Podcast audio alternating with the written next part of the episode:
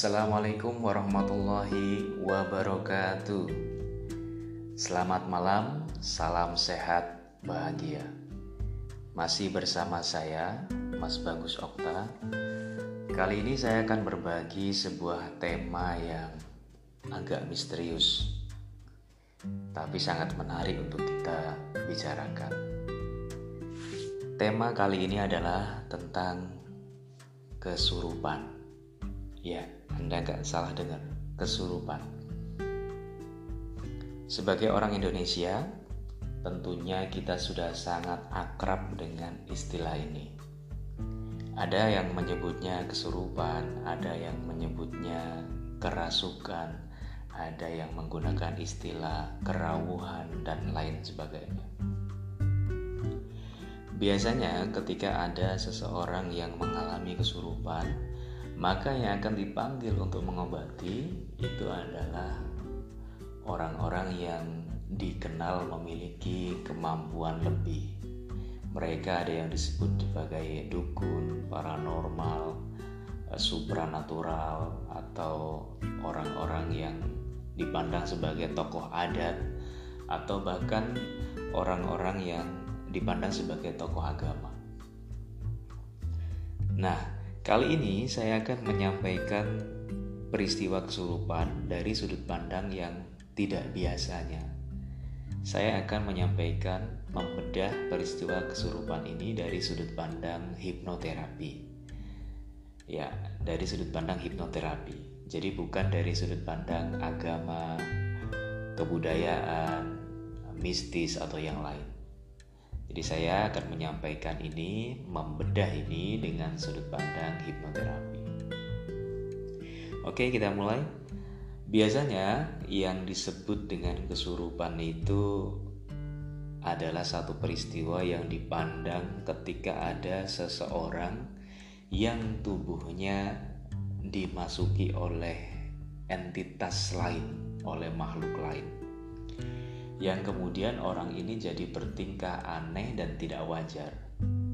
Misalnya dia mengamuk, teriak-teriak, menangis, kemudian ada yang bertingkah dan bersuara seperti binatang. Dan binatangnya juga biasanya binatang-binatang tertentu, kayak harimau, ular, kemudian mungkin babi atau yang lain. Nah, Uniknya, peristiwa-peristiwa kesurupan ini jarang sekali kita jumpai di atau pada orang-orang dengan tingkat ekonomi menengah ke atas atau bahkan dengan orang-orang di tingkat ekonomi sorry tingkat ekonomi menengah ke atas dan juga tingkat pendidikan menengah ke atas. Paling sering peristiwa kesurupan ini terjadi pada anak-anak remaja. Anak-anak jarang sekali yang mengalami kesurupan. Remaja, mahasiswa ini paling banyak. Kemudian untuk karyawan, karyawan pabrik misalnya, itu juga sering mengalami peristiwa kesurupan. Tetapi untuk para manajer, direktur di suatu perusahaan itu jarang sekali atau bahkan tidak ada kasus kesurupan. Nah, ini menarik untuk kita bicarakan, untuk kita bahas. Dalam sudut pandang hipnoterapi, kesurupan itu adalah satu peristiwa psikologis. Jadi bukan peristiwa mistis. Sekali lagi dalam sudut pandang hipnoterapi bahwa kesurupan adalah satu peristiwa psikologis dan bukan peristiwa mistis. Kesurupan adalah bagian dari abreaksi atau disebut sebagai reaksi abnormal yaitu ketika seseorang meluapkan seluruh perasaan marah, sedih, takut, bingung, dan segala macam perasaan tertekan yang dia rasakan. mereka menyampaikan perasaannya, meluapkan perasaannya dengan cara-cara yang tidak biasa. Ada yang kemudian dengan um, menjadi seperti harimau, kemudian ada yang teriak-teriak, ada yang menangis histeris. Nah, ini semua dipandang dari sudut pandang hipnoterapi adalah sebuah cara seseorang untuk meluapkan apa yang dia rasakan. Dengan kata lain, kesurupan ini adalah sebuah bentuk pelepasan emosi ketika seseorang sudah tidak kuat lagi menahan, menanggung beban emosi yang dia rasakan. Nah, di sisi, di sisi lain, psikologi juga menganggap kesurupan ini sebagai peristiwa psikologis, sebagai akibat dari ketidakmampuan seseorang mengatasi stres, mengatasi masalah yang dia alami. Nah, kalau dalam psikologi ada berbagai istilah yang digunakan untuk menyebut peristiwa ini antara lain ada istilah histeria, ada istilah disosiasi dan beragam istilah yang lain. Nah, kalau kita melihat fenomena kesurupan di masyarakat, ini biasanya pelakunya akan mengalami berbagai perilaku yang tadi sudah saya sampaikan. Ini saya perjelas lagi, biasanya mereka akan mengalami satu sedih, menangis keras, kemudian yang kedua ada yang marah-marah ngamuk kemudian teriak-teriak. Yang ketiga ada yang tertawa keras senyum-senyum sendiri. Kemudian yang keempat ada yang uh, dia diam matanya melotot memandang ke arah tertentu ada lagi yang tingkahnya perilakunya berubah seolah-olah menjadi makhluk yang lain ada yang mengaku sebagai sosok seperti kuntilanak, sosok seperti genderuwo, harimau, kera, ular, atau bahkan tokoh-tokoh masyarakat yang sudah meninggal. Nah, saya sebagai hipnoterapis sering sekali menemui fenomena seperti ini. Dan saya alhamdulillah diberikan kesempatan untuk membantu orang-orang yang sedang dalam kondisi kesurupan maupun pasca kesurupan. Saya mengalami berbagai fenomena yang terbilang unik bersama orang-orang yang kesurupan ini dan alhamdulillah mereka berhasil sembuh dengan hipnoterapi.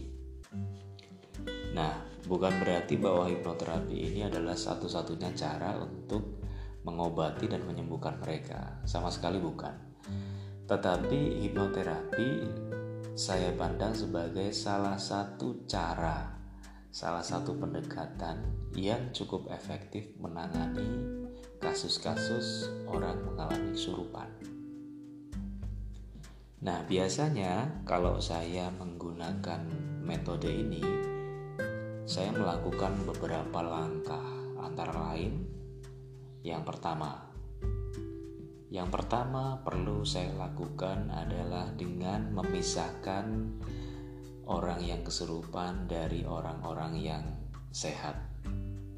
Jadi kita pisahkan dia dari kerumunan orang-orang yang lain.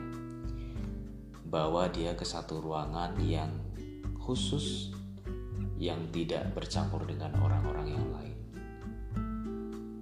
Kalau bisa, pindahkan dia ke ruangan yang cukup nyaman, yang tenang, yang suasananya kondusif. Kemudian yang kedua, minta orang-orang yang ada di situ untuk keluar. Orang-orang yang mengerumuni, orang-orang yang menonton, itu kita minta keluar mereka semua. Jadi biarkan hanya ada saya atau Anda ya sebagai orang yang akan mengobati.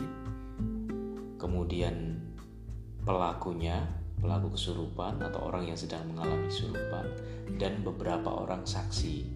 Ya, ini saksi ini kita perlukan. Kemudian setelah situasinya kondusif, aman, kita bisa langsung memulai melakukan upaya penyembuhan. Caranya adalah dengan memberikan sugesti yang bisa membuat orang yang kesurupan ini merasa aman dan nyaman. Pastikan sugesti yang Anda berikan itu betul-betul dia dengar dan dia terima. Nah, contoh sugestinya misalkan begini. Misalkan nama yang kesurupan adalah Ani. Ya, maka saya akan mengatakan untuk Ani dengarkan saya. Dengarkan sugesti saya. Sekarang ini kamu ada di tempat yang aman dan nyaman. Kamu berada di antara orang-orang yang menyayangi kamu. Sekarang tarik nafas yang panjang dari hidung, hembuskan pelan-pelan lewat mulut. Keluarkan nafas lewat hidung, hembuskan pelan-pelan lewat mulut. Tarik nafas lewat hidung, hembuskan pelan-pelan lewat mulut. Satu, tarik nafas, keluarkan pelan dan rileks.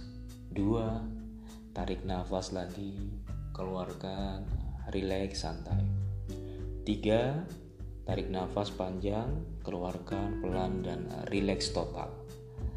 Maka sekarang pikiran kamu, perasaan kamu menjadi tenang dan damai.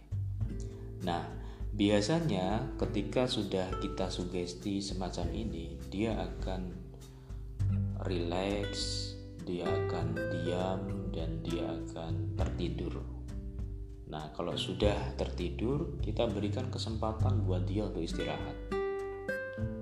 Sampai nanti ketika bangun, kalau sudah bangun, kita berikan air minum dan kita ajak bicara, ajak ngobrol, kita selingi dengan humor.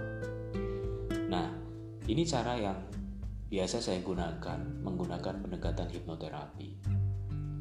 Jadi kita menggunakan pendekatan hipnosis ya yang biasa kita kenal orang Indonesia biasanya mendengarnya dengan istilah hipnotis. Nah, kita menggunakan sugesti atau kalimat-kalimat yang dirangkai sedemikian rupa yang bisa mempengaruhi pikiran dan perasaan seseorang. Nah, Teman-teman, ini yang bisa saya bagikan. Terima kasih, semoga bermanfaat. Wassalamualaikum warahmatullahi wabarakatuh.